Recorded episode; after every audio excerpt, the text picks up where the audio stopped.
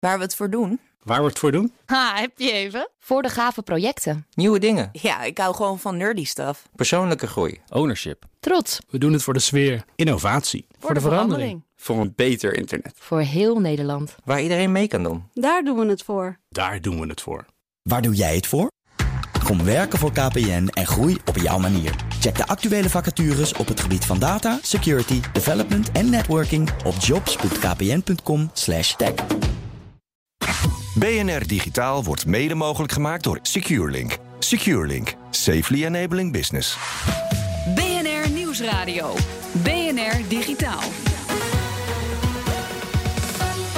Herbert Blankenstein. Begin dit jaar werden we opgeschrikt door de Spectre en Meltdown bugs in veelgebruikte processors. Het leed is nog steeds niet geleden. Deze week nog kwamen Microsoft en Google met een nieuwe gerelateerde bug. Hoe erg is die en hoe lang gaan we nog last hebben van Spectre en Meltdown? Ga ik over praten met Koen Krijns. Hoi Koen, hoofdredacteur van Hardware Info en regelmatige gast hier zo. Het geheugen even opfrissen. Wat ging er ook weer mis bij dat Spectre-lek? Ja, dat Spectre-lek dat uh, heeft van doen met de manier waarop moderne processors werken. Althans, moderne eigenlijk al 10, 15 jaar ja. is het zo dat processors niet meer al hun instructies stap voor stap in uh, de volgorde waarop ze ze aangeleverd krijgen uitvoeren. Maar dat ze proberen om dat slimmer op, op, op de andere volgorde te doen. Mm -hmm. uh, uh, een voorbeeld is waarom dat bijvoorbeeld gebeurt... is als een processor een instructie heeft... waarbij die uiteindelijk data naar het geheugen moet wegschrijven... dat duurt relatief lang. En als je dan heel veel instructies heeft waarbij hij dat moet doen... dan kan hij even niet meer verder. En dat zou dat betekenen een performance drop.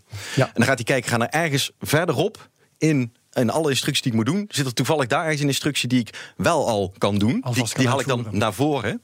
Dat is wat ze noemen speculative execution.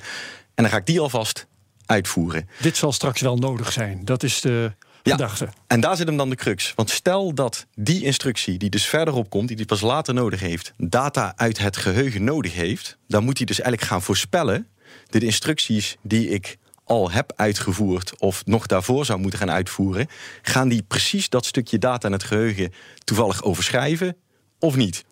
Nou, die voorspelling die gaat okay. heel erg goed tegenwoordig. Dus zeg maar, in, met 99, nog wat procent zekerheid kan hij dat voorspellen. Maar dat is niet genoeg. En dan weet hij, nou, dus dan vaak zegt hij, nou, dan doe ik het maar niet. Ofwel. Maar het kan dus zijn dat hij die instructie alvast uitvoert. Maar dat uiteindelijk blijkt dat een vorige instructie die data heeft overschreven. Ja. Dan moet hij het weer uit al zijn buffers eigenlijk weghalen. Dan moet hij eigenlijk wat hij heeft gedaan ongedaan maken. En Spectre en Meltdown zijn dan hele complexe trucs om dan vanuit een ander proces te kijken van hé, hey, dat stond tijdelijk werkte die met een stukje data in die processor. Het heeft uiteindelijk weer weggegooid, maar ik heb het er toch even uitgehaald.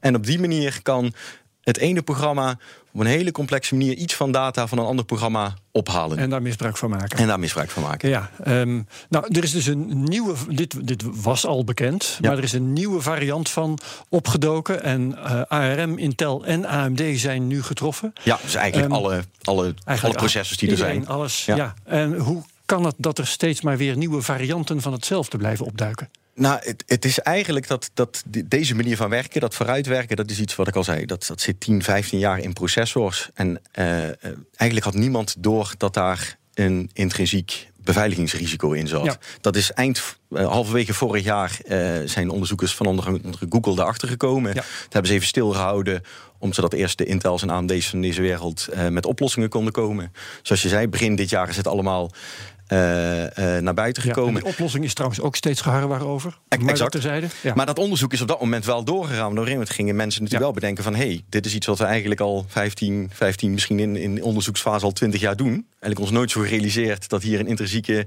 security uh, uitdaging in zit. We gaan dan toch nog eens verder, verder induiken. En zo komen er op zich nieuwe dingen boven meteen met die nuance erbij. Die eerste Spectre en Meltdown dingen. Het, het klinkt allemaal alsof het heel simpel is. En alsof een kind van drie het had kunnen bedenken hoe je dit binnen zo'n processor doet. Het is maar nee. verschrikkelijk complex. Het is, eigenlijk is het bijna onmogelijk om er misbruik van te maken. Laat staan om er heel gericht misbruik van te maken. Het is echt niet okay. zo dat hij heel makkelijk creditcardgegevens zo uit een browser haalt.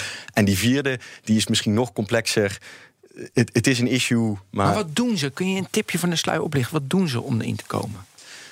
Nou, wat, wat nu bij die, bij die vierde variant het geval is, is dat binnen processors is het al zo dat uh, processen en subprocessen, van elkaar gescheiden zijn. Wat betekent dat? Uh, als je je besturingssysteem hebt je draait daar software op, die software, bijvoorbeeld Microsoft Word, whatever, kan niet bij data van het besturingssysteem. En uh, binnen, binnen subprocessen is het ook zo, als jij je browser hebt, Google Chrome, en je hebt een website, de code van de website kan niet bij de code van onderliggend de browser. Ja. Bij die Spectre V4 hebben ze nog een manier gevonden waardoor twee subprocessen binnen hetzelfde, denk aan twee tabbladen binnen de browser, dat die met een dergelijke truc ook data van elkaar zouden kunnen uh, vinden. Ja. Bijna onmogelijk om het daadwerkelijk voor elkaar te krijgen. Uh, gelukkig bij die Spectre V4 is het zo dat daar eigenlijk voor de software al een goede oplossing voor is. Die gewoon ook bijvoorbeeld dus in het geval van browsers geïmplementeerd had kunnen zijn. Dus als je al een moderne versie van je browser hebt, van Chrome of welke browser je ook gebruikt, is Spectre V4 eigenlijk geen issue. Is dat ook de reden trouwens? Want ik begrijp dat Intel en AMD ervoor kiezen om een, een fix die er wel is, om die niet standaard te verspreiden naar alle gebruikers. alle apparaten met die Specifiek voor die vierde versie. Want voor die vierde versie zeggen ze in principe: als je software, als je moderne software gebruikt, dan is het allerbeste advies wat je iedereen altijd kunt geven. Zorg altijd dat je up-to-date software de gebruikt. laatste versie. Ja. Dan is eigenlijk Spectre V4 geen probleem. Van die eerdere versies, daar zitten wel echt een aantal uh, punten in die je niet met een nieuwe softwareversie kunt oplossen. Niet met een Windows-update of noem maar op. Die echt gewoon bij de zogenaamde microcode, met, de, met bij de, de laagste laag software die op de processor zelf zit, gefixt moet worden. Dus als je helemaal beveiligd zou willen zijn van uh, alle Spectre Meltdown varianten, dan moet je dus een zogenaamde nieuwe BIOS of een nieuwe firmware ja. op je laptop of op je desktop flash. En dat is dat, dat is toch kun je ook nog. Dat kan ook, maar dat is wat ingewikkelder dan Windows Update draaien. Ja, ja. Um, uh, nou zijn er tooltjes die kunnen laten zien of je PC kwetsbaar uh, is. Die kun je downloaden. En als ik dat dan doe, dan blijkt mijn computer kwetsbaar te zijn. Um, de vraag is, wat moet je dan doen? Jij zegt eigenlijk in de meeste gevallen niets. Nou, ik zeg sowieso altijd je software up-to-date houden. Dus Windows-updates en ook bijvoorbeeld bij je browser zorgen dat je altijd de nieuwste versie hebt. Dan moet je sowieso ook voor virussen en voor honderden en een andere Maar zelfs dan kun je nog deze melding krijgen als je zo'n toeltje gebruikt. Als je, uh, uh, als je veilig wil zijn, zorg er dus voor dat je de zogenaamde BIOS of firmware van je computer up-to-date hebt. Ja, als je bijvoorbeeld een laptop hebt, is het een kwestie van ga naar de website van HP, Dell of waar die ook van toe komt, uh, van vandaan komt, type het type nummer in. En kijken of, er een, of, of zij een programma hebben om dat te op, op te waarderen. Ja. is meestal wel, wel beschikbaar. En heel eerlijk, enorme zorg hoef je als normale consument over Meltdown en Spectre niet te maken. Dus als dat niet zo lukt, ook niet geen enkel groot probleem. Oké, okay, dankjewel Koen Krijns van Hardware Info.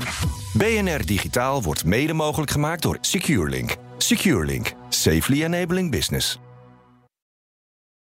Ook Harm Edens vind je in de BNR-app. Je kunt BNR Duurzaam niet alleen live luisteren in de app, maar ook terugluisteren als podcast, zoals al onze podcasts. En naast dat de BNR-app Breaking News meldt, houden we je ook op de hoogte van het laatste zakelijke nieuws. Download nu de gratis BNR-app en blijf scherp.